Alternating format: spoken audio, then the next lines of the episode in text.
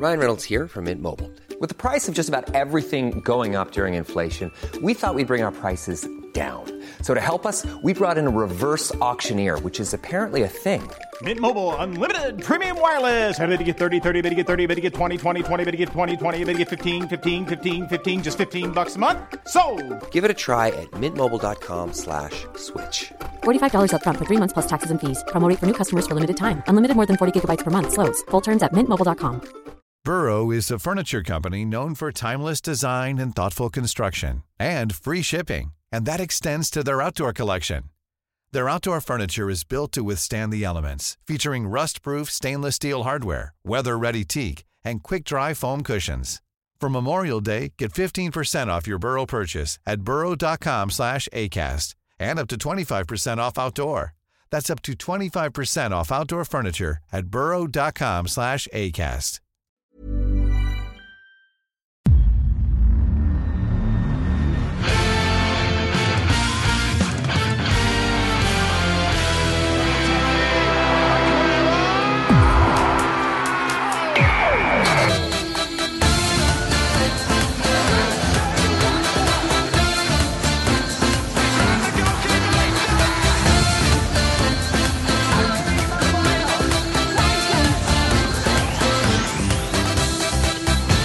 säger vi hjärtligt välkomna tillbaka till ett nytt avsnitt av Rule Britannia. Det är sent här onsdag kväll den 25 oktober. Jag är helt övertygad om att det har hunnit bli tidig torsdag morgon när folk lyssnar på detta. Det är eh, kväll två av två i ännu en Champions League-omgång. Den tredje gruppspelsrundan är färdigspelad eh, Fabian och det bjöds inte på riktigt lika mycket dramatik här under onsdagskvällen som det gjorde om vi backar 24 timmar.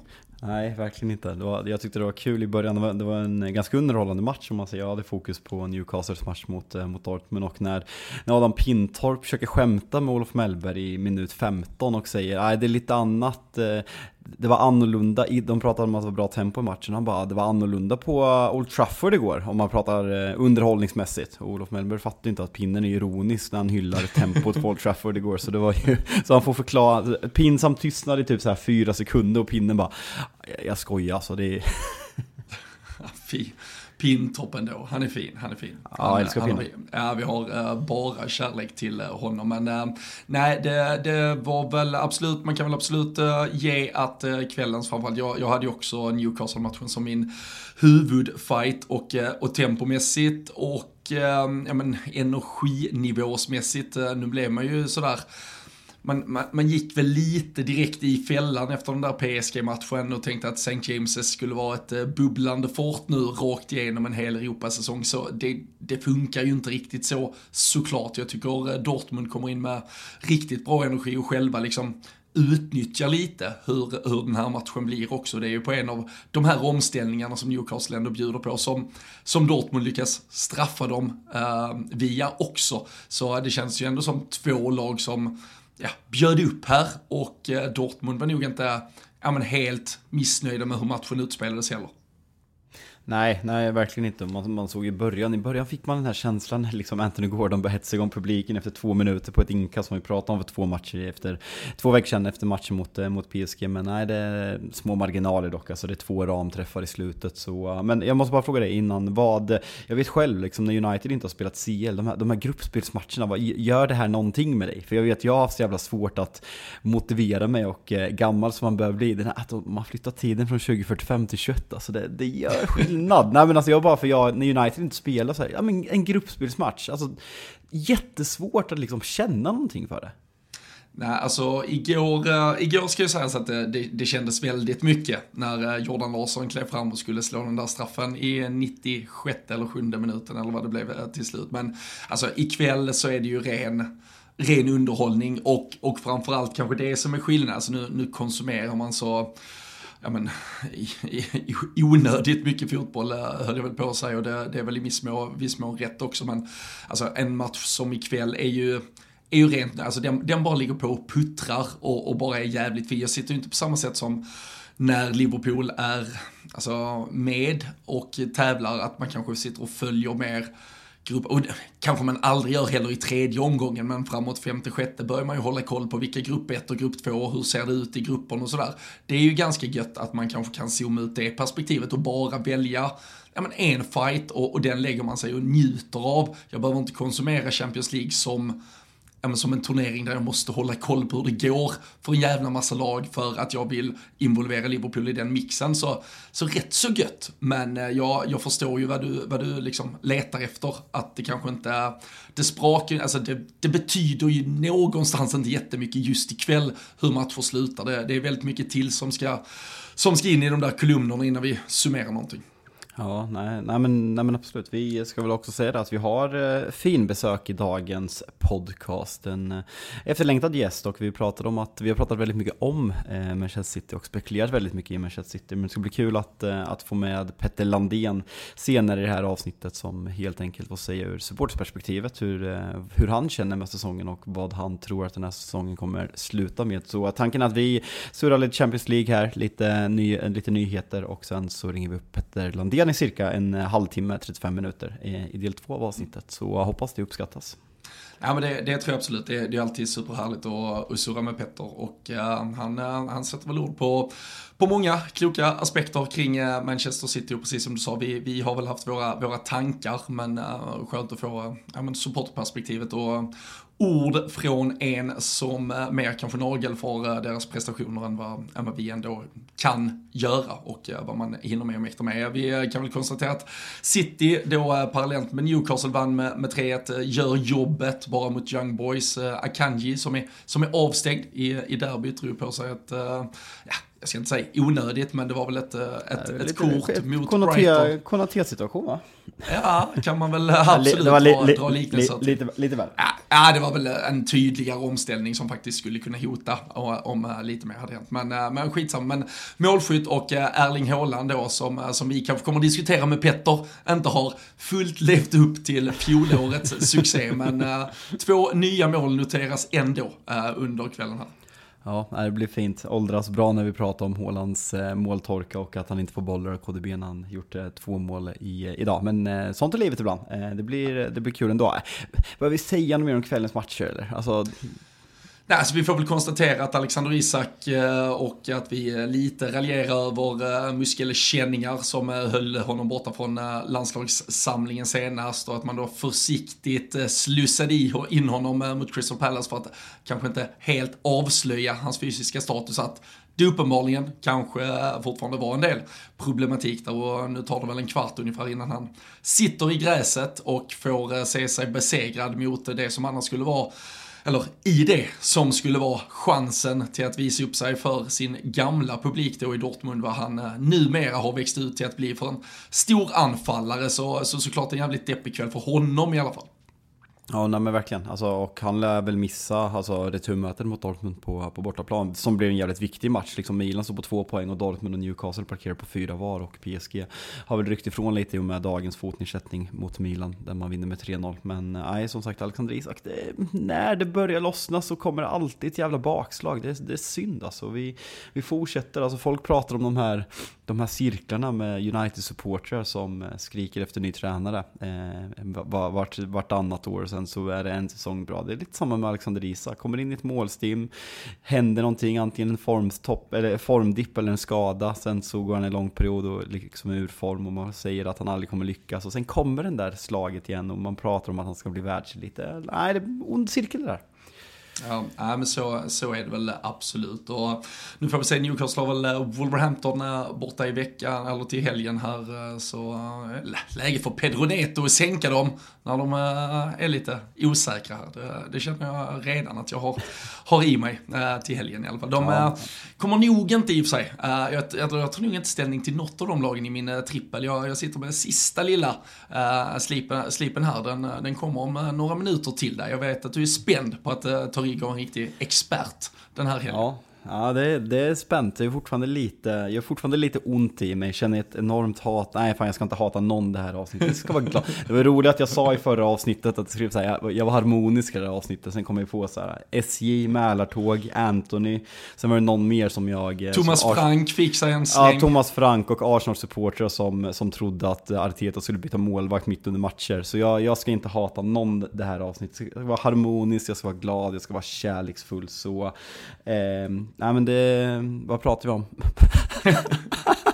Du, du, du gjorde bara avbön för hur du betedde dig förra veckan. Eller Ja men det var någon jag var på väg att säga, det var någon jag var på väg att säga att jag eh, Ja, hatade det var nog Ped- Pedro Neto kanske. Du var beredd att... Nej just det, nej, just det, nej men att jag kände hat mot att jag, mot, eh, mot, eh, mot Nottingham som tappade 2-0 hemma mot Luton. Det var där Det- jag började det- utläggningen. det men jag, jag, tycker om, eh, jag tycker om Nottingham, de har Anthony Langa som gjorde två assist senast, så det älskar dem. Ja, ja men, eh, men härligt. Jag, jag ska, fan både Luton och Nottingham sen nu är med på... Ska, ska jag damma min trippel redan nu kanske? Ja, men Jag har fan- gör- men jag gör gör det. Jag är fan spänd på det här. Ja men vi, det är ju så här, vi eh, kör ju numera våra um, ja, men Rule Britannia-tripplar som man hittar på atg.se snedstreck tutto kan man gå via så kommer man direkt till eh, dels eh, det vi kokar ihop inför varje helg men så kan man ju också hitta spel vad gäller både tripplar och Big Nine-system från dels Thomas Wilbacher och Daniel Jolenklint som fokuserar mycket på den europeiska bollen och sen då Tutto-svenskan-gänget. Marcus Tapper i hög form satt två tripplar på den svenska fotbollsmarken och nu är det väl dags här då för eh, mig att sätta ner foten. Du fick ansvar eh, första helgen, nu tar jag över den där stafettpinnen och eh, du, du rök ju då i matchen Nottingham-Luton. Jag involverar både Nottingham och Luton den här helgen också, men nu är det ju alltså, det är idel söndagsfighter kan jag säga. Det är Aston Villa att vinna med minst två mål hemma mot Luton. Det är Liverpool att vinna med minst två mål hemma mot Nottingham och sen är det att Manchester City ska vinna derbyt och eh, den här trippen kan man alltså backa då och eh, ta rygg på inne på atg.se slash tutto och eh, vill man göra det så gäller det såklart att man är 18 år fyllda och eh, skulle man ha problem med spel då finns ju stödlinjen.se istället. Eh, var eh, spontan, snabb reaktion bra. Jag gillar den, eh, Aston Villa, som du ifrågasatte att jag spelar Villa senast med tanke på eh, Jag gjorde inte det. Timmy gjorde det. 11, ja okej då, du hänvisade till Timmy. 11 raka segrar i Premier League på hemmaplan nu. Det är väl eh, Liverpool på bortaplan eh, som jag, eh, jag tycker är den som ska klaffa mest för att den ska sitta. Men jag gillar trippen, jag tycker att den är bra. Sen hoppas jag såklart att den inte sitter för jag vill ha tillbaka staf- stafettpennen. Så enkelt är det. Ja, nej, Liverpool på hemmaplan till och med. Mot Nottingham. Ah, är ni hemma? Till- Ja, ja, vi kör Ah, men då- dubbel hemma. Ja, Ja, ja, då, då är ja, klar. Då är, då är, ja. då är den klar. Då, Eh, då är det ding, ding, ding på dem direkt där. Så eh, nej, häng, eh, häng med in på atg.se, ni vet vad som gäller där. Ehm, jag tänkte bara vi ska såklart ta oss tillbaka till tisdagen och vi, vi ska få dina känslor kring, kring allt det där som hände på Old Trafford och ta en titt på vad Arsenal gjorde i Sevilla. Men jag tänkte här under, under onsdagen så har det kommit lite rapporter kring att Everton, det har ju varit en ganska tuff vecka för Everton generellt, men eh, vi har ju pratat om, eh, och vi hade ju med oss eh, Per för någon vecka sedan här kring deras ja, men finansiella situation och hur det ser ut. Och nu, nu, nu kom det ju lite uppgifter om att de riskerar ett poängavdrag på 12 poäng inför nästa säsong i, i och med att man har brutit mot en då punkt i det stora feta finansiella regelverket. Eh, Du är kanske bekant med att Manchester City har just nu 115 olika punkter de utreds för. Um, Jag tänkte bara din snabba... har, du någon, har du någon matte eller? Ja, men jag tänker, har du, sätter du den snabbt där om nu även då City skulle få 12 poäng per punkt om det, Så, så 13 gånger 115, ja, 1500 typ? Ja, ja, 12, 12 gånger 115, så 1380 poängs eh, avdrag är det Manchester City eventuellt och kanske riskerar. Ja. Det, det, det lär ta dem en bit ner i seriesystemet känns det som. Ja, nej men det, det blir spännande och liksom skulle, skulle Everton få den här, alltså det här straffet så sätter det enorm press på liksom högre instanser på vad man kommer göra med Manchester City. Så det blir, det blir, det blir spännande att hålla ögonen, öron, öron och eh, ögon öppna eh, för, eh, för vad som komma skall. Och det känns ju, alltså Everton har ju varit under press med Financial Fair Play ganska länge, så liksom det kanske inte var helt oväntat, men ändå sen när det börjar snackas poängavdrag i Premier League, alltså man är ju van med att det händer i Serie A exempelvis, men i Premier League var väldigt länge sedan det hände. Ja, har vi ens något jag vet inte. på uppstuds man tar i Premier League? På, alltså, man, man har ju ett, alltså, alltså Derby West hade vi ju... West Ham situationen om det är 07-08 när Carlos Tevez och Mascherano värvas på förbjudna grunder som gör, Carlos Tevez gör ju målet där mot eh, United på Old Trafford i sista omgången så att West Ham håller sig kvar och Sheffield United åker ut. Det här Precis. höll ju på liksom en rättssak med det här i nästan tio års tid där Sheffield United hävdade att man hade rätt till pengarna som de har förlorat på att inte spela i Premier League under de här åren och så vidare. Men minuspoäng kan inte komma till minnes alltså. Nej, alltså vi hade ju Derby, Wayne Rooney höll ju på att göra något sensationellt där med Derby. Ja. Åh, oh, vad trött man var på det. Nej, ja, förlåt, ja, jag ska välja. Jag, jag tyckte att det var fint. Jag tyckte att det var fint. Rooney, andra raka torsken idag. det tog dig alltså fem minuter från att du gjorde, gjorde avbön till att du var nere i, uh, i mörkret igen. Det, det är, uh, du har lite att, jobba med där, men, men så är det. Men, och sen Portsmouth måste ju absolut ha fått minuspoäng i, i vevan där kring... Någon gång. 2006, 2007, något sånt va? Ah, då var de ju bra, det var, det var ju ja, bra. Sena, de sena. går väl till fa Cup-final 08, slår ut United på en, jag tror att United ska ha två straffar, hade vunnit trippen där om det inte vore för en domarskandal på, i semifinalen. Jag tror Rio Ferdinand fick ställa sig i mål i den matchen, Portsmouth med typ Canoe, Sol Campbell, Peter Crouch, German Defoe, ja, älskvärd, eh, Harry Redknapp tränare också va?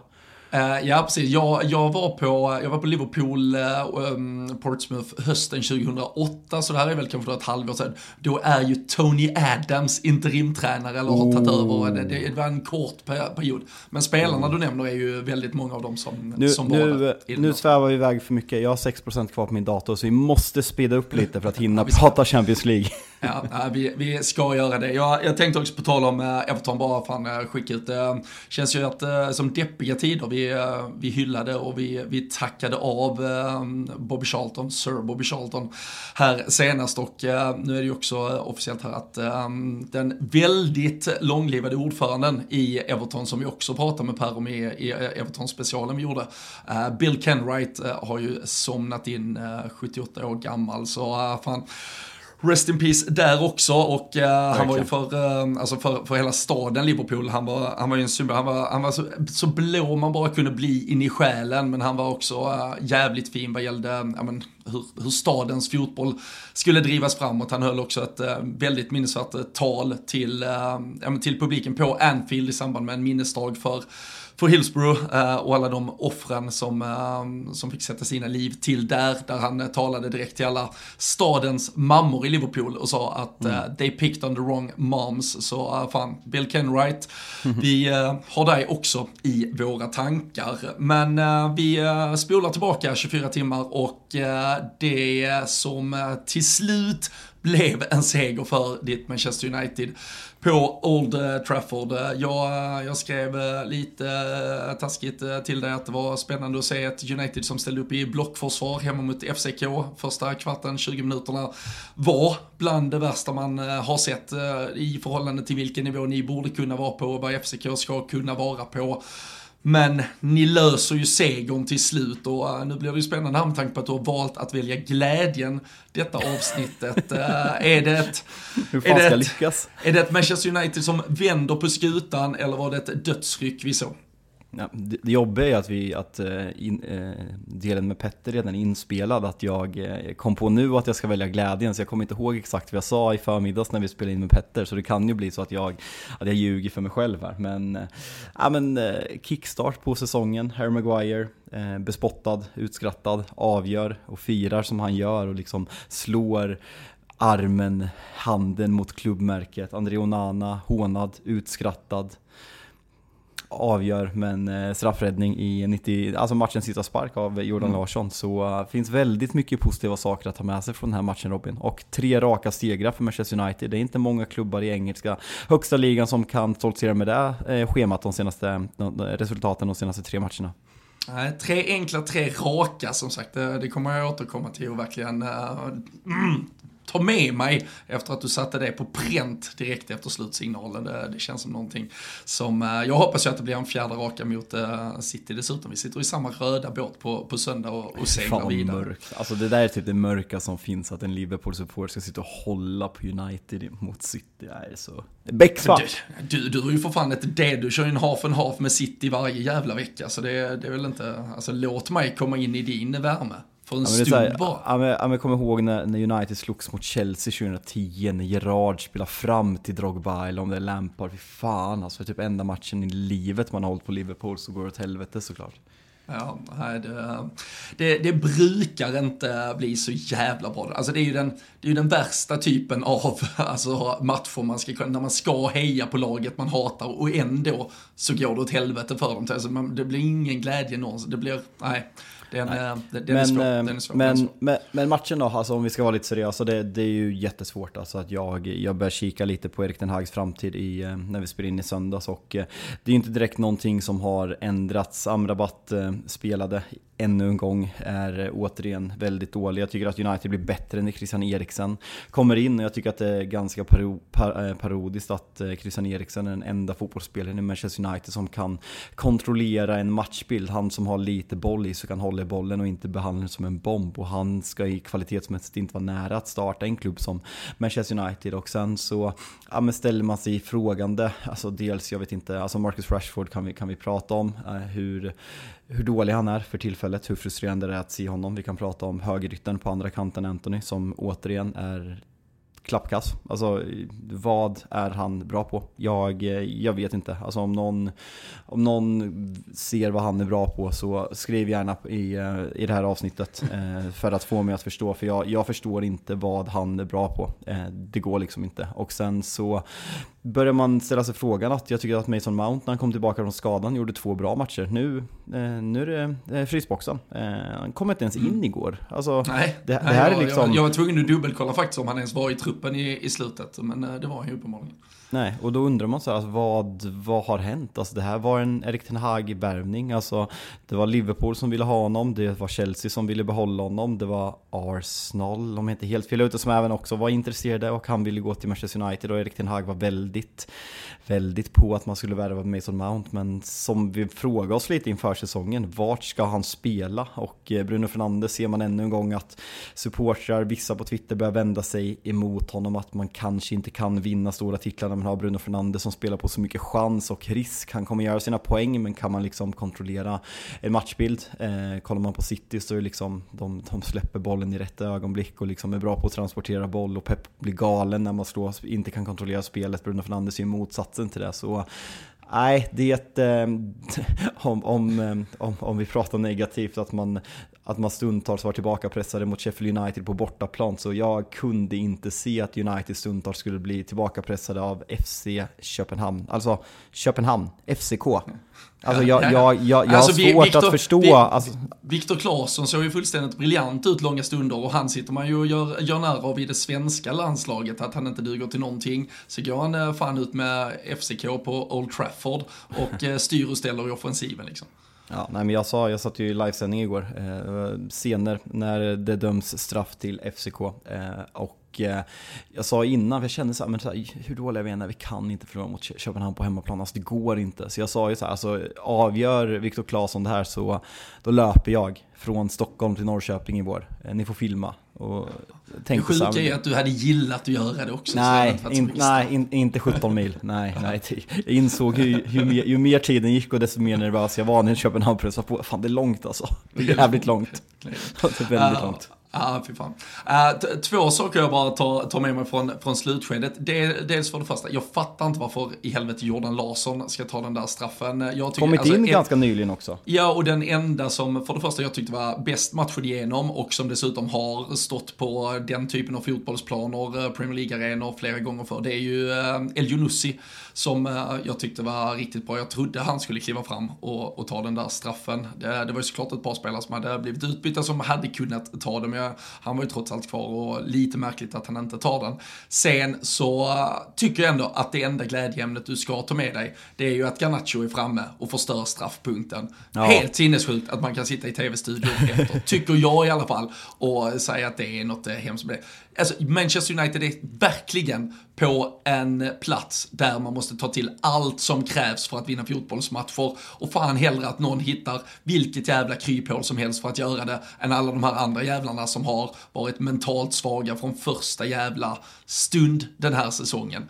Man kan säga mycket om beteendet hit och dit, men fan, jag uppskattar det till 100% att Garnacho går in och förstör som här.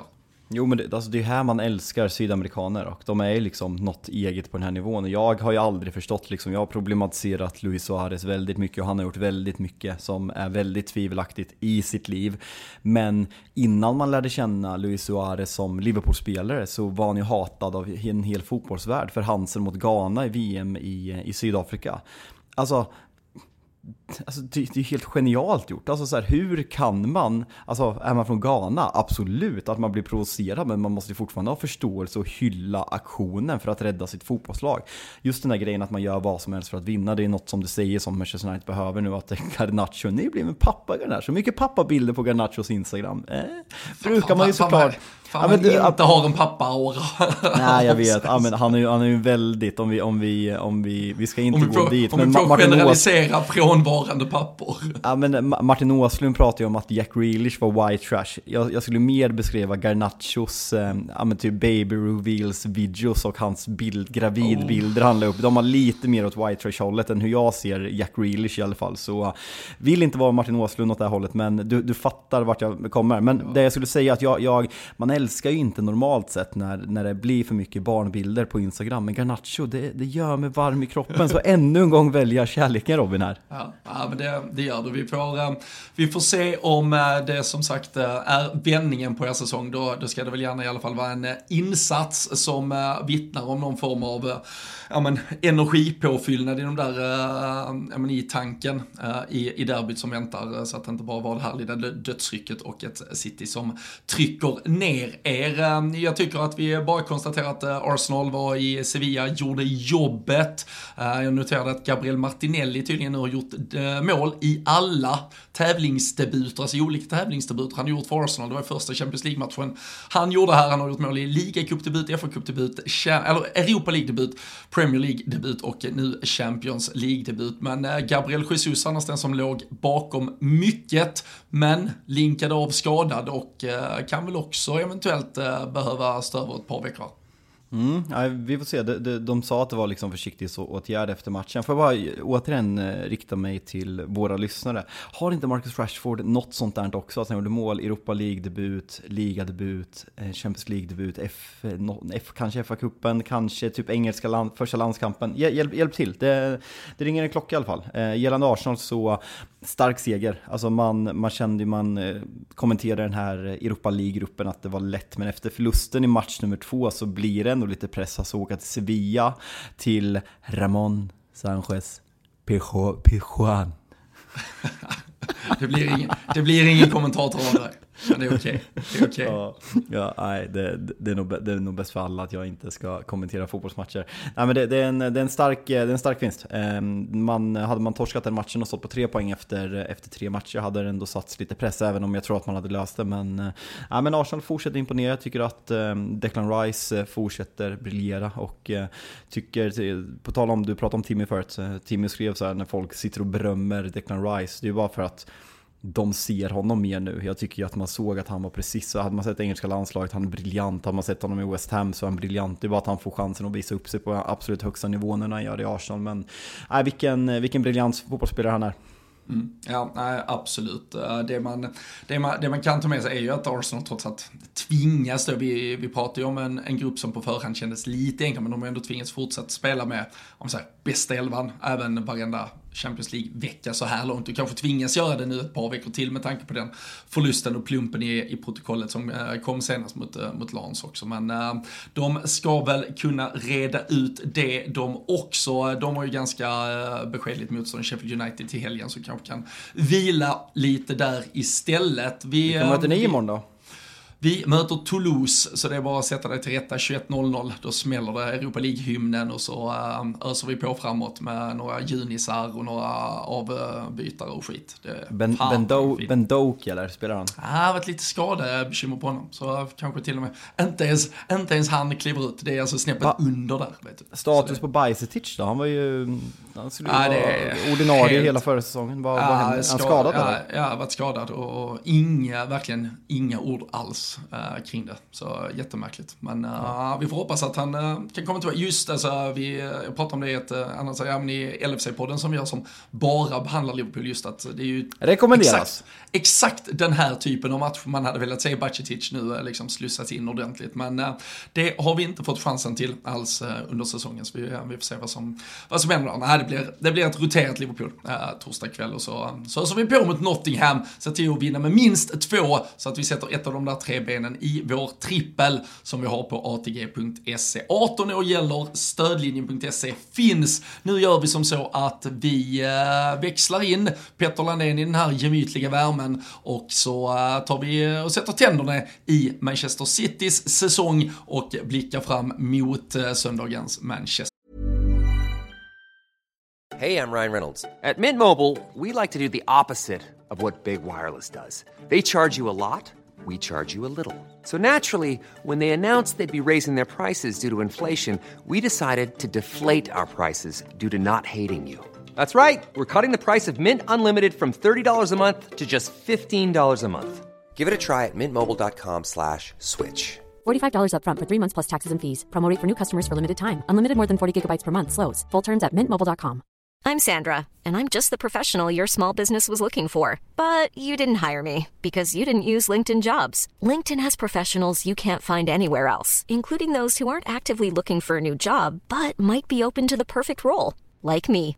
In a given month, over 70% of LinkedIn users don't visit other leading job sites. So if you're not looking on LinkedIn, you'll miss out on great candidates like Sandra. Start hiring professionals like a professional. Post your free job on linkedin.com/people today. Hey there, it's Michelle Norris. I'm host of a podcast called Your Mama's Kitchen. When I travel, I'm usually looking for a way to find a taste of home when I'm not at home. And one of the things I love to do when I am at home is entertain. And Airbnb allows me to do that. When I was in California recently, I rented a house that had a great kitchen. And when we were sitting around the table, we we're all thinking, we're in someone else's house. Someone could be in all of our homes as well. If you have a home, but you're not always at home, you have an Airbnb. Your home might be worth more than you think. Find out how much at airbnb.com slash host.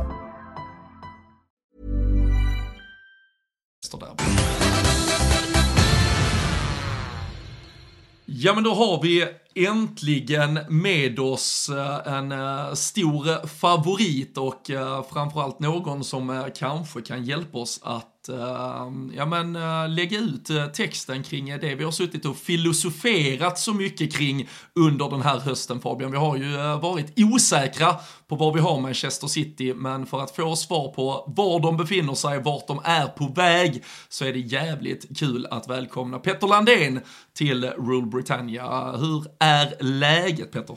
Eh, det är bra, givetvis lite omskakad över att eh, helgens eh, motstånd tog en sån meriterande seger på hemmaplan i Champions League. Att, att fixa det där mot mäktiga, mäktiga FCK Köpenhamn är ju liksom ingenting jag tar lätt på. Så att när veckan började så var det, var det bra och nu är det lite darrigare.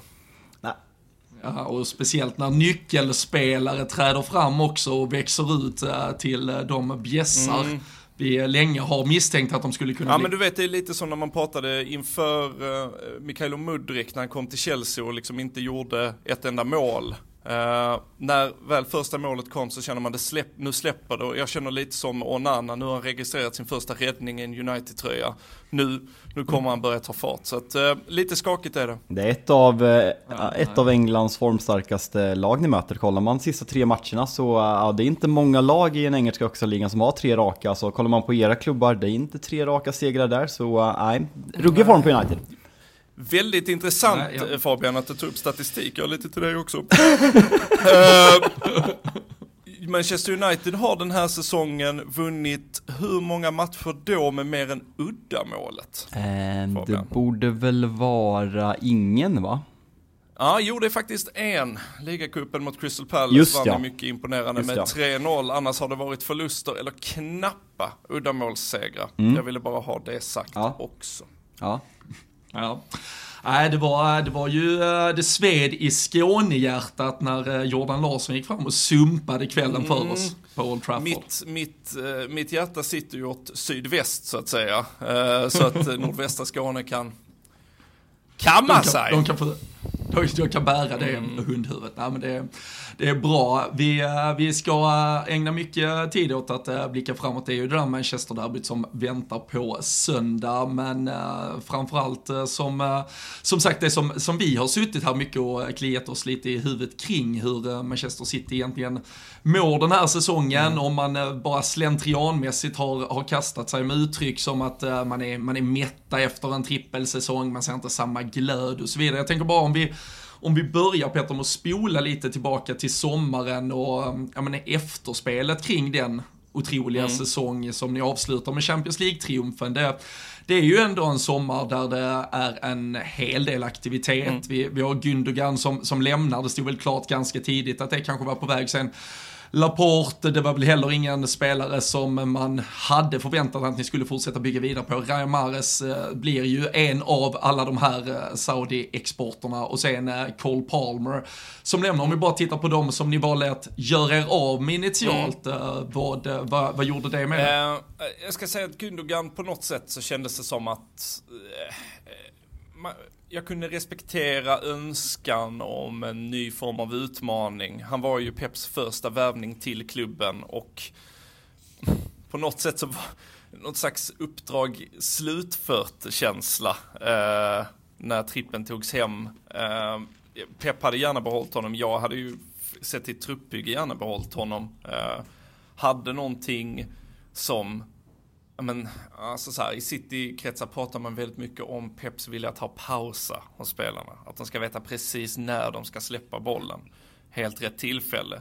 Rodri har det alldeles uppenbart. Eh, David Silva hade det, Gündogan hade det. En bra dag kan Jack Grealish ha det. Men i övrigt, eh, ja det var ju liksom en spelare vars kvalitet Pep byggde ganska mycket kring, framförallt när det skulle avgöras. Litade han väldigt mycket på att Gundogan skulle göra jobbet. Eh, så så sett så var det ett ganska tungt tapp.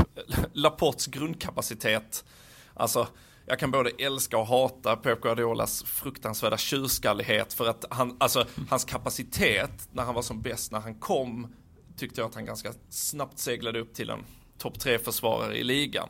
Uh, i all, åtminstone i sina bästa stunder, i sina sämsta topp 10 då.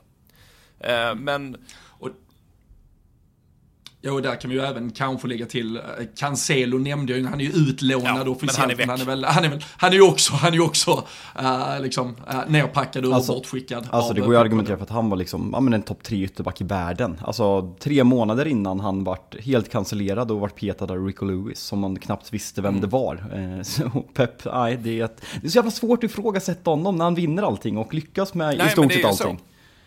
Det är ju så. Nej men alltså det, det, går ju inte. Alltså det är klart att man kan knorra över beslut som tas, men det är ju nästan alltid mer ur känslomässiga mm. perspektiv. Mm.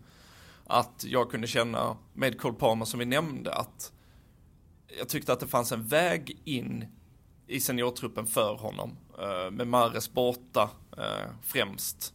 Och lite oklarhet vem som skulle ersätta där. Att han var en egen kille som tyckte visade också att han i stunder hade någonting som var ganska intressant. Eh, framförallt en målfarlighet som, nu gör ju Foden ett antal mål, men att Palmer var mer en naturlig målskytt än vad Foden var till exempel. Eh, men det är ju så här i en tid där bokföring räknas så är ju försäljning av egna talanger enkom gröna siffror på konto. Det är ingen avräkning. Eh, så att när Todd Bowley kommer och känner att han ska vi ha och erbjuder de pengarna kan jag förstå det logiska i att släppa honom. Eh, och som sagt, det är ju egentligen ett sånt beslut jag kan knorra över men jag har ju ingen anledning att ifrågasätta eh, de beslut som Pep tar eh, gällande truppbygge överhuvudtaget. Nej. För det är ju samtidigt en sommar där eh, den eh, kanske stora värvningen och den som eh, väl var värvningen som skulle markera någon, någon form av ja, men fotnedsättning. Mm. Det var ju framförallt Josko Guardiol mm. in till att förstärka upp det där försvaret.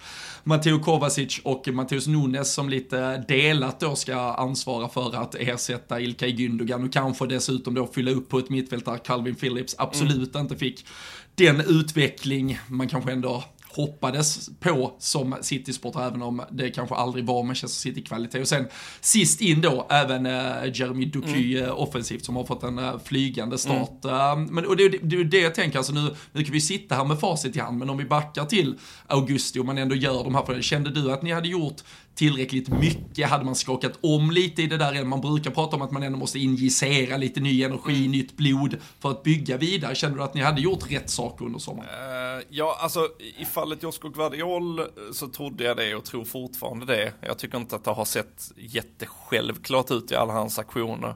Hans inledande, vad är det, sju matcher han spelat eller något i den stilen. Uh, men att det finns en liten learning curve, det har jag inga större problem med. Jag tror fortsatt att han kommer vara en, en hörnsten i bygget ganska många år framöver. Kovacic, jag såg en liknelse göras med honom ganska tidigt när han gått till City som har fastnat hos mig så jävla mycket och jag ursäktar en bit av grabbighet här men han, det var någon som sa att när man tittar på Kovacic spela är det som att ett antal enheter in ser en snygg tjej på krogen. Eh, men när man, när man verkligen dissekerar honom, då är det som att se eh, samma eh, tjej i ljuset på McDonalds. Och jag tror att många kan relatera till, det går ju att vända på uh, tjej-kille där givetvis. Det, det, det, det, det, det är nog många tjejer som har sett killar som har uh, varit snyggare än vad de egentligen ja, var. Det kan, vi, det kan vi verkligen stryka under i detta sammanhang. Exakt, ja. Som representanter för den gruppen så. uh, exakt. Men, och, och, det, det har fastnat väldigt mycket hos mig och jag har lite svårt att titta på Kovacic nu utan att tänka den tanken att det är väldigt mycket han gör som är flärdfullt och bra. Han kan bryta linjer, han kan sätta rätt passning och han kan liksom, han kan göra så väldigt mycket rätt saker. Men fan han kan göra mycket dumt också. Men... Eh, som man på något sätt lyckas maskera ganska bra i, eh, i, i, vad ska man säga, när man bara följer spelet snabbt. Eh, den spelare som lider mest av att det finns repriser i hela världen, Matteo Kovacic. Och jag känner igen det så himla mycket från Thiago och mm. hans, uh, alltså, ja, nu är det ju snarare det är tre år. Han glömmer att han är kvar i Liverpool. Så extremt mm. Ja, och det, det, gör man ju dels, men just också det här som du säger, vid den första anblick, du ser en crossboll, mm. du ser en skön fint, man vänder upp med, det är så yvigt, han, han, han går runt som en matador på planen, så alltså, ge mig bollen, men sen inser man så fan, det, det bidrog ju inte till någonting Nej. egentligen, det han gjorde där ute. Nej, och så lite så små, smått tveksamma defensiva ingripanden som kryddar på det och så, så här. Men eh, eh, det, finns, det finns en rimlighet att Kovacic med eh, saker som liknade vad Gundogan kunde göra för det priset han kunde plockas in och så vidare. Jag tyckte den, den, den var rimlig. Den var rimlig. Egentligen är ju Matteus Nunez och Jeremy Doku mycket mer intressanta värvningar. Ehm, det var ju ganska uppenbart så här att City ville ha både Bellingham och Rice. Eh, och det de två har gemensamt, man ska liksom inte dra jättemycket paralleller mellan dem mer än att de är typ engelska innermittfältare, är att de är vad man kan kalla för bra generalister. De kan göra allting ganska bra. Ehm, de har liksom kapaciteten att springa, de kan göra mål, de kan försvara, eh, tekniken och passningsfoten och så vidare. Eh, och jag läste en artikel där eh, själva poängen, Pep vill ha de bästa generalisterna. Eh, han vill ha folk som är anpassningsbara, kan spela flera olika positioner, utföra flera olika roller. Eh, hålla trupperna tajtare, men kunskapen inom den hög. Det är så han föredrar att jobba. Men när han inte kan få det, när Bellingham valde Real och Rice valde Arsenal. Då går han liksom diametralt motsatt och tar de bästa specialisterna. Matteus Nunez är fantastiskt bra på att driva boll från djupt. Eh, och erbjuda den typen av, vad ska man säga, eh, to progress the field. Eh, snarare än metodiskt passningsspel.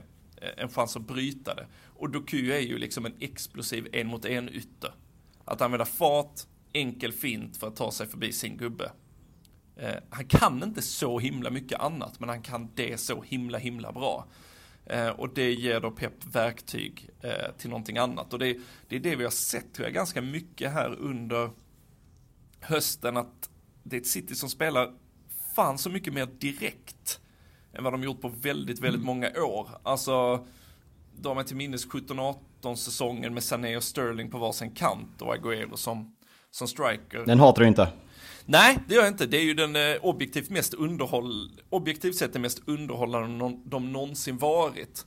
Um, och då kanske man ska ta med det i någon slags beräkning att även om spelarmaterialet i City i mångt och mycket ganska likt vad det var förra säsongen. Eh, även om det fortsätter med liksom John Stone som någon slags libero och Guardiol som tar kliv in i, tre, i vad som blir en trebackslinje så, så är ansatsen mycket mer direkt efter att 17-18 säsongen 100 poäng och sen så går ner för att kontrollera och nu går man, ut, går man längre ifrån kontrollen och är mer direkta.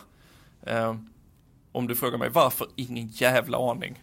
Jag ställer mig frågande till det för att Pep har ju i många intervjuer pratat om vikten av kontroll, att inte ha ett böljande spel. Eh, hur rädd han är för den typen av kontringsfotboll som vi såg Leipzigs mål till exempel i, uh, i Champions League var en effekt av det.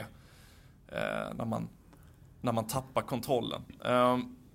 men det, är det jag tror vi kan se i den, den problematik man kunnat skönja än så länge i City-säsong, skulle jag säga. Om vi, om vi bara fastnar lite i, du, du är inne på Jude Bellingham och Declan Rice som ganska mm. uppenbart mm. valde eh, andra klubbar, Real Madrid och Arsenal i det här fallet. Eh, vad, mm tidigare när liksom, ni har gått på Alexis Sanchez, sen var det Harry Maguire som var intresse. Där var det tydligt att man backade ut på grund av prislappen. Samma med Fred när United mm. istället betalar översummor. Här känns det ju snarare som att de här spelarna valde bort City, om jag, om jag bara får ta min mm. känsla. Mm. Vad, eh, vad tror du att det beror på? Jag är helt på? övertygad om att det är så också. Vad beror, vad beror det på? Eh, nu spekulativt fallet, såklart, men... Ja, givetvis. Eh, fallet Bellingham jag är inte så säker på att han ville till England överhuvudtaget, faktiskt. Uh.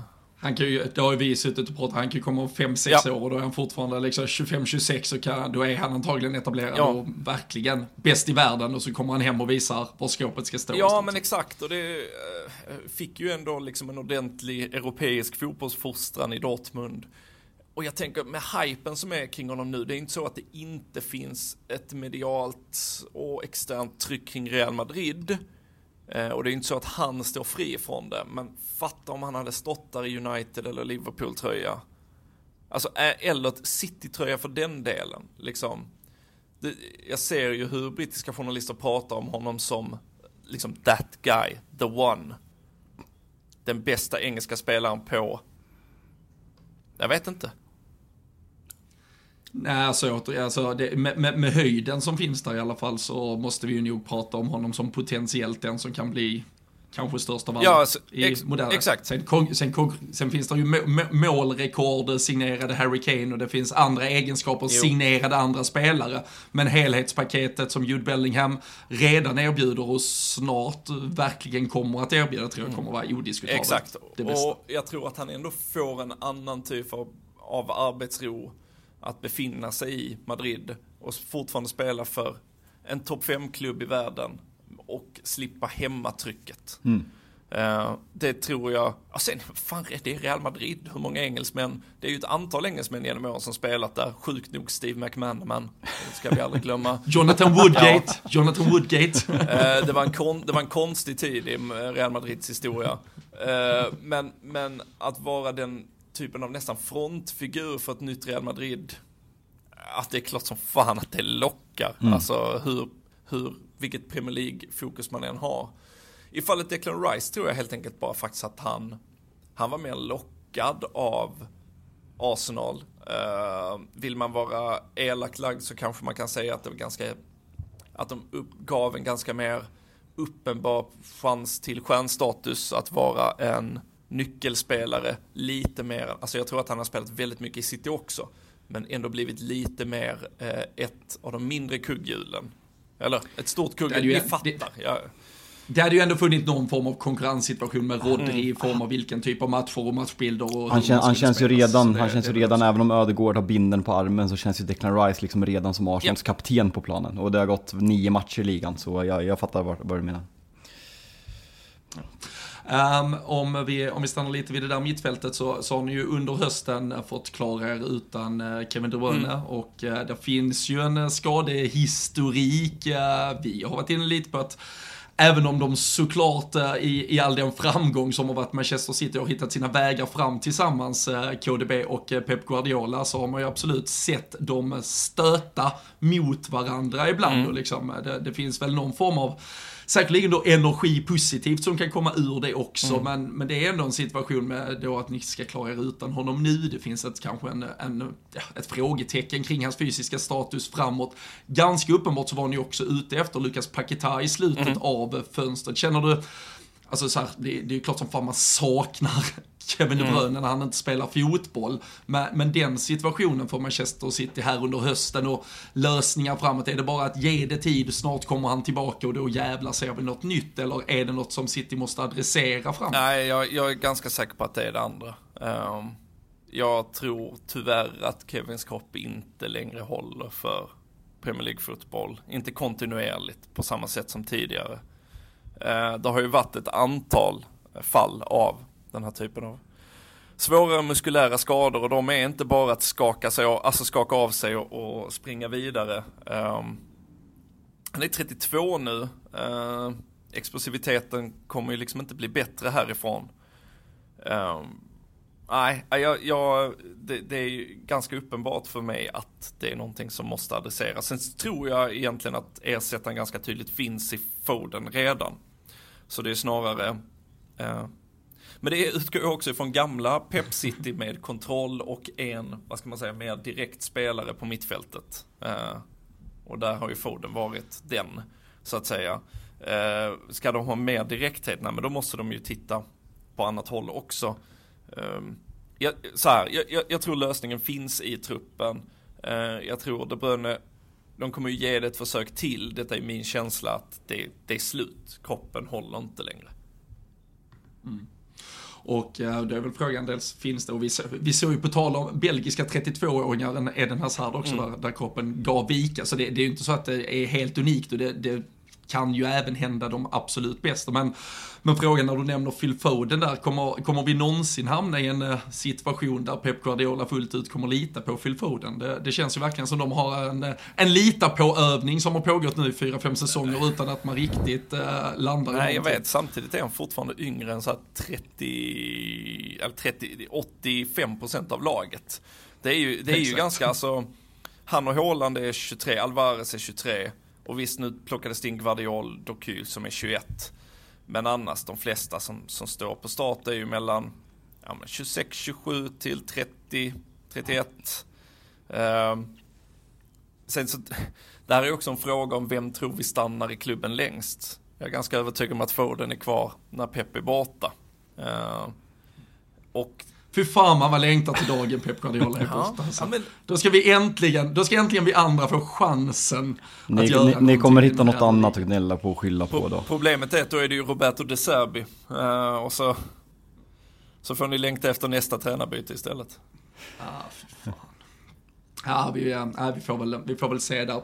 Men äh, en diskussion som såklart har äh, stulit en del spaltmeter under hösten här också är ju äh, ja, men dominoeffekten av att Kevin De Bruyne saknas mm. och Erling Haaland inte är fullständigt omänsklig i sitt äh, målskytte. Nej. Han, äh, jag, jag, ska absolut inte likna det rakt till Mohamed Salah, men det finns ju absolut liknelser i att man själv sätter upp en ribba och sen så är det den man förhålls mm. till och det är där man jämför. Så Och vi satt här, vi, vi sa sen eh, på, på ett år nu så, så har ju fan till och med Olly Watkins tillsammans med Salah och eh, Haaland haft ungefär samma stats mm. vad gäller målskytte och assist eh, i ligaspelet. Men det var ju framförallt säsongsinledningen förra säsongen där Haaland var. Det var helt brutalt ja. Han stack iväg med 15 mål ganska tidigt i stort sett. Men hur, hur har du upplevt hans situation i City och det här att det kanske inte hittar in, du, du pratar om det direkta spelet mm. nu, där kanske en ytter går rakt med. Tidigare så har han ju varit väldigt bra på att hitta in bakom backlinjen och där står ju i stort sett Haaland och bara sular in bolljäveln mm. gång på gång på gång där Kevin De Bruynes fot, även Rodri nu, nu är det bara några matcher han var borta, men jag tyckte man saknade den dimensionen också när han var borta. Men vad är din, eh, vad är din bild av Haaland hösten 2023? Eh, att den faktiskt är undermålig sett till vad man har förväntat sig.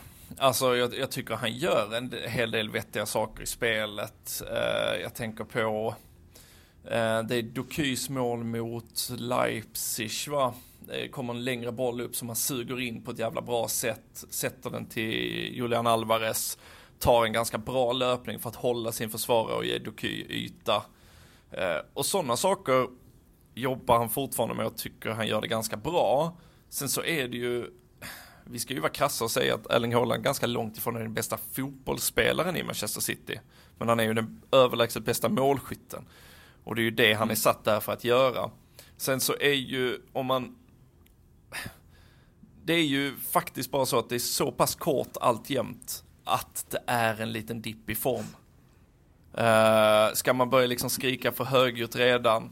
Ja, nej jag vet inte. Han gör sitt mål mot Brighton, han gör mål mot Forest innan, han gör mål mot West Ham. Det är ju kanske att det sammanfaller med en period som för City har varit den tyngsta under Pep, kanske typ sen 2016-17. Ja, det är väl mer att man generellt har haft, eh, att ni, eller att ni inte har haft de här 5-6-0-segrarna var varannan vecka Nej. och där han då har varit i pipen att göra ett hattrick som han var gång på gång på men gång. Hur mycket, Nej, men, men, Petter, hur mycket tror du att man kan hänföra det här till alltså att Håland, eller att eh, Kevin De Bruyne inte spelar? För alltså ser man förra säsongen, han hade ju en förmåga att hitta honom så fruktansvärt bra och det, Alva, ja. Alvarez är jättebra, men han sätter mm. inte Håland i de situationerna och sen ska man vara lite hård med Håland, alltså det här här går att ta tillbaka lite till i våras, då han inte alls kom till lika mycket chanser mm. som han gjorde tidigare. Alltså hela Champions League-slutspelet, semifinalerna och finalerna så är han ju ganska osynlig, även fa Cup-finalen. Så det är inte han som sticker ut på ett sätt han gjorde tidigare under säsongen. Så det är inte, det är inte bara de här första 15-16 matcherna i ligan i år. Sen, det, det, är så Nej. sjuk diskussion, han snittar 1,0 mål per match i ligan. Han är på väg mot den näst bästa mål, målproduktionen i Premier Leagues historia om han fortsätter. Så det, det är en så sjuk diskussion, mm. men vi har den ändå. Nej men det är ju som Robin är inne på, han har ju satt ribban själv och då är ju den man mäts utifrån. Och jag tycker att sett till prislapp, eh, vad han tidigare visat upp och så vidare, eh, hans omgivning, så ska ribban vara väldigt hög. Han, eh, City vaskar fram tillräckligt med chanser för att han ska eh, vara den sista som sätter dit dem eh, i betydligt fler eh, fall än vad han har gjort, under, som du säger, under slutet av våren och början av, eller i alla fall delar av den här hösten. Um, och sen, det är ju så här, ja, nej, det är klart, det är klart han lider lite av att De Bruyne är borta. Tar du bort en av världens bästa passningsspelare från ett lag så kommer det ge effekt. Tar du bort, när du tar bort Rodri som får klassas som, om inte den bästa så en av de bästa sexorna i hela världen, då är det klart den, den det bästa. effekt. Ja, jag tycker det också, men jag ville bara inte, ja. ja då, då, då säger jag den för att vara någorlunda neutral. Ja, keep my DMs clean. Uh, men då är det klart det får effekt. Alltså, det, det är så här hur, även om ersättarna i City ganska ofta är helt snuskigt jävla bra och dyra och så vidare, så är det ju, det kommer ju alltid finnas fotbollsspelare som både hela paketet och deras spetsegenskaper står utifrån en elitmängd. Eh, och De Bruynes passningsspel och blick är en av dem. Eh, Rodris spel som sexa är en av dem. Eh, och tar du bort en av de delarna så är det klart att både Håland och City måste anpassa sig efter det. Och det är jag ganska säker på att de kommer göra. Alltså tittar du historiskt, det är inte, inte så fruktansvärt ovanligt att City är lite darriga någon gång under hösten. Ibland är det tidigt, ibland är det närmare jul. Men när det här sitter sen, eh, den lilla taktiska tweaken att spela mer direkt. Sen så är det ju 14 matcher obesegrade någonstans under våren. Mm. och så ska du förhålla dig till det som motståndare.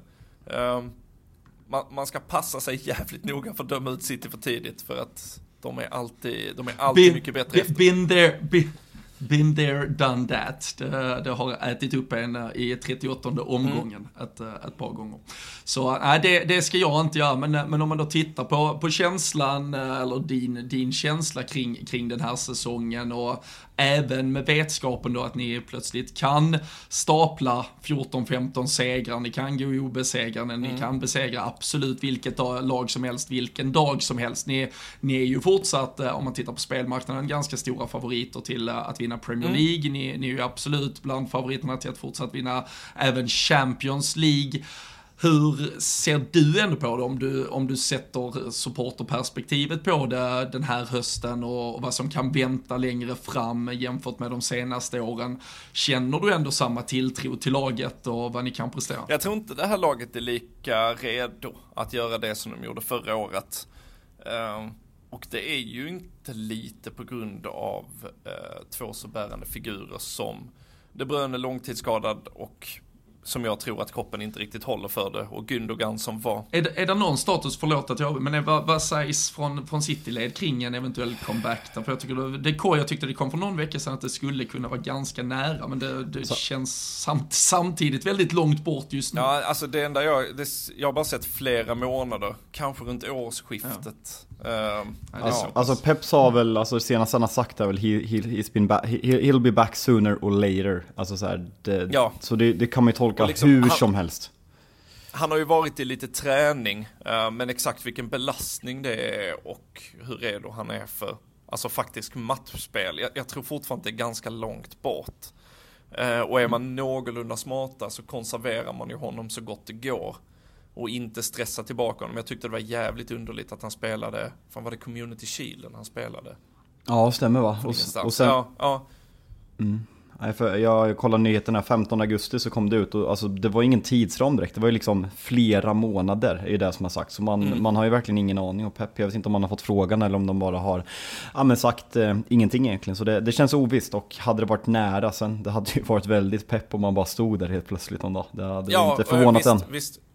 Nej, inte det allra minsta. Inte det allra minsta. Alltså jag, jag går ju alltid som supporter på den negativa kalkylen. Och den sa ju årsskiftet. Så då kommer jag hålla fast vid den tills motsats bevisas. Du, du, du, du, konstaterade väl för tio minuter sedan att hans karriär eventuellt är ja. över tror jag. Så det, du, du, du har gått längre än så. Absolut. Nej men jag sa inte att karriären är över. Det finns ju alltid ett, ett i fack att fortsätta i om det skulle vara så. Men jag, jag, tror att på den nivå han, han var innan och som han ändå klarade av att hålla förra säsongen. Den känner jag mig fruktansvärt tveksam till att han ska jobba sig tillbaka till. Ja, det var fan, fan ändå 679 pers på Letifax eh, senaste ja. match så det, bara för bussen kanske han är sugen på att joina Henderson på det Ja, men alltså det verkar ju vara jättemånga som verkligen ser chansen att bygga upp fotbollen i det landet och, och vara med och liksom på den här revolutionen. Så det, det, är klart man inte vill, man vill ju inte missa det tåget va. Nej, det, det är ett tåg man kan gå längst fram i. Men uh, på, på söndag nu här då mot uh, det, ja men uppenbarligen Formstarkaste, formstarkaste laget i England tre raka, tre enkla eller något eh, i den stilen tror jag det lät på eh, Fabian Jalkemus eh, Twitter under veckan. Det var dessutom, noterar jag här för någon dag sedan, bara årsdagen sedan Mario Balotellis Why Always mm. Me-tisha åkte upp på 6-1-krossen. Så är det dags för en ny fotnedsättning på Old Trafford från City. Det skulle ju vara ett jävla fint eh, signal of intent på något sätt efter en eh, vad ska man säga, eh, ett oktober och då räknar jag med i, i alla fall Wolves-förlusten i ligan sista september där som en del av det. Eh, där, där sitter jag, alltså Arsenal-matchen tyckte jag var så himla konstig. Eh, det var egentligen inget av Arsenal eller City som var särskilt påslaget, det kändes ängsligt. Eh, jag uppskattade väldigt mycket dock, ska jag säga, att Arsenal vann på ett Sean Dyche-mål. Att skicka in 800 miljoners Kai Harvard som fyrtorn och nicka ner det var... så, så ska ju en match mellan City och Arsenal som gärna tar stolthet i sitt fina spel. Så ska en sån match avgöras, det tycker jag verkligen. Ehm, men City ty, ty, ty, började väldigt bra mot Brighton eh, för att sen bli jävligt ängsligt där också. Eh, så jag hade, jag hade uppskattat en fotnedsättning men jag mm, mm, mm, mm, jag, tror, jag tror de befinner sig alltjämt i den fasen som vi har sett tidigare som jag refererade till förr där det bara det är så abstrakt, det går inte riktigt att peka på vad det är men det klickar inte som man har vant sig vid. Eh, däremot så är jag inte så orolig för eh, motståndet om jag ska vara helt ärlig. Gör det, gör det någonting med Manchester City att Akanji drog på sig det där onödiga avstängningen är borta eller det är hugget som stucket vilken ni ställer upp i den backlinjen? Alltså lite grann. Akanji tycker jag, när, när alla är friska så är han ju trots allt det kanske svagaste alternativet. Där är, han är ju nödlösningen eh, någonstans. Även om han eh, kan stå för ganska bra insatser så eh, Ah, jag vet inte. Det, det, är ingenting jag gråter över. Det hade varit mycket värre om det hade varit Ruben Diaz som hade missat. Fabian, jag tänker bara, vad, vad förväntar du dig? Ni, ni ställde upp i, i block och försvarar på egen planhalva mot FCK hemma. Hur kommer ni hantera Manchester City? Ja. Nej, alltså ska, ska jag försöka se något positivt eh, på det så tycker jag att Erik Ten Hag neutraliserar Manchester, äh, Manchester City väldigt bra i de två avslutande mötena förra säsongen. Dels när United vinner på hemmaplan genom det ganska underliga äh, Marcus Rashford-målet, får man väl milt uttrycka det? Ja, det tycker, det tycker jag var en väldigt snäll beskrivning. Nej, det var onside. Nej, men eh, jag tycker att United, liksom, City kommer inte till jättemycket målchanser den matchen och samma sak i fa Cup-finalen som man eh, känns nästan att man, att man har glömt bort för att City tog trippen, att det varit fokus på Champions League-matchen. Men jag tycker United inte släpper till så väldigt mycket chanser. Sen är det ett annat Manchester United i år och det finns inte så jävla mycket att tro på. Liksom United har varit stundtals tillbaka pressade mot FCK och Sheffield United på, eh, inom en veckas tid och nu ska man möta Manchester City. Och Alltså känslan är väl på många sätt, alltså jag har den här 3-6an i färskt minne när det lika gärna, alltså det var, det var närmare 8-0 än 3-6, det hade speglat matchen på ett mm. bättre sätt. Ja, men, väldigt, väldigt konstigt resultat sett till hur matchen såg ut. Ja, nej men verkligen, och alltså jag, alltså pessimist som jag är, som Petter var inne på, supporterskapet, att alltså det, det känns verkligen som att City skulle kunna kickstarta sin jävla säsong här, att liksom att folk har räknat ut Håland, han ska möta Harry Maguire som har blivit uppsnackad nu med åtta raka Premier League-vinster och avgjord igår och Nana med straff, straffräddningen och folk pratar om att det här är starten på vår säsong. Nej, för vi är så jävla dåliga. Jag ser City, mm. alltså jag ser City göra en eh, Liverpool på oss i helgen. Alltså jag, jag har verkligen den känslan och det, det är så jävla mörkt. Och pratar vi tioårsjubileum på, eller tioårsjubileum, tioårsdagen på... För vissa av oss är det, för vissa av oss är det. på, på 1-6an så eh, en 1-6 i det här mötet hade inte riktigt eh, förvånat en lika mycket som det gjorde då. För nej, den, den såg man nej. inte komma jag tycker det... Och, och det som är... Det, det som är fint med det är ju att vi faktiskt kan få den eh, fullständiga signalen att Johnny Evans fortfarande kan ta ett rött kort även i denna match. Just ja.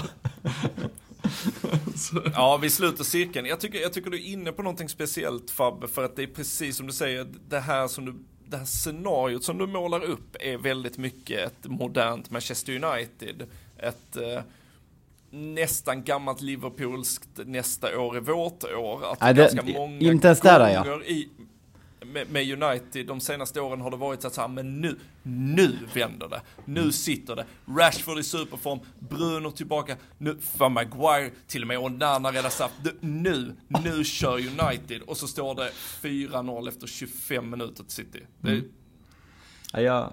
Men det, och, det, och jag, jag, jag, tror faktiskt att det, jag tyckte det var någon som skrev jävligt bra om det eh, efter, eh, efter FCK-matchen också, där man ja, men då räddas med eh, ja, men hjärtat i halsgropen på det sätt man gör och, och man får de tre poängen, vilket ändå ger möjligheten att avancera i Champions League. Där så här, att hur, hur misskött klubben än är och hur, med tanke på hur mycket pengar som ändå pumpas in i Manchester United kommer det alltid finnas spetsspelare och spetskvalitet till att till syvende och sist vinna en hel del fotbollsmatcher, vilket kommer göra att du kommer aldrig få den fullständiga jag menar alltså så Röntgenblod, du kommer aldrig inse riktigt hur jävla illa det är, för resultatmässigt är det inte möjligt att kanske implodera fullständigt när du ändå har omsatt så mycket pengar. Du kommer ändå lösa helt okej. Okay. Så det som hade behövts för er är ju kanske egentligen det stora fallet. Alltså, där Liverpool gjorde ju verkligen till slut de klappkassa säsongerna innan man började om fullständigt. United kommer ju lite med tanke på att det ändå pumpas in miljarder varje sommar, räddas av att det finns någon spetsspelare som vinner matcher åt dem. då och, Och det- och det- Men jag och det ska- det stora Och det ska ju sägas med Ten Hag, alltså det är ju liksom ingen han är ju ifrågasatt nu, kanske med rätta, men det är ju inte heller en tränare som, som Solskär var, som de bara hittade i något liksom, museirum på arenan, utan det är ju en, en tränare som har nått stora framgångar förut och har i alla fall en idé och en tanke.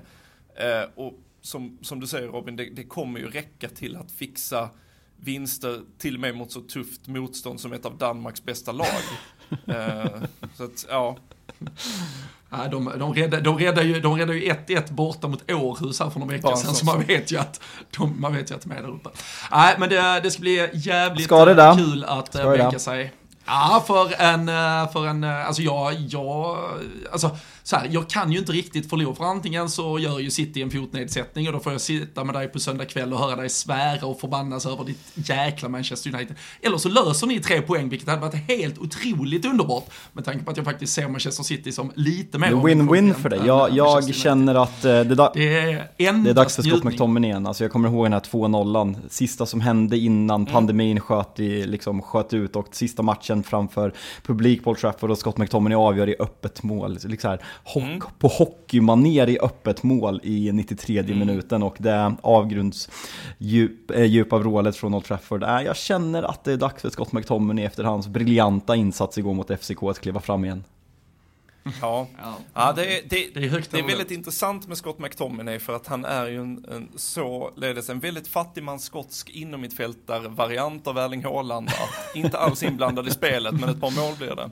Och du, det finns ju en annan win i det här, är att om det blir United-förlust, då känner jag Fabbe att du går ett steg närmare din förvandling att bli Sveriges Mark Goldbridge. Ja men jag, jag, jag det, det, är inte helt, det är inte en helt dum jämförelse, alltså jag, jag känner, dock ju han, alltså han jag, jag hatar honom ju, så jag, jag, eh, jag, jag mår dåligt av jämförelsen. Ja, men det, ja, men det, det sjuka är ju att han dessutom är mer sympatisk Vad än fan dig. säger du? Alltså han är, han är jävla Nottingham Forest-supporter som har fejkat sitt supporterskap för att tjäna pengar, så det vill jag inte beblanda mig med. Men du hejar, du hejar, du hejar ju egentligen på Manchester City. det finns bilder på mig i Liverpool-tröja, det vet du.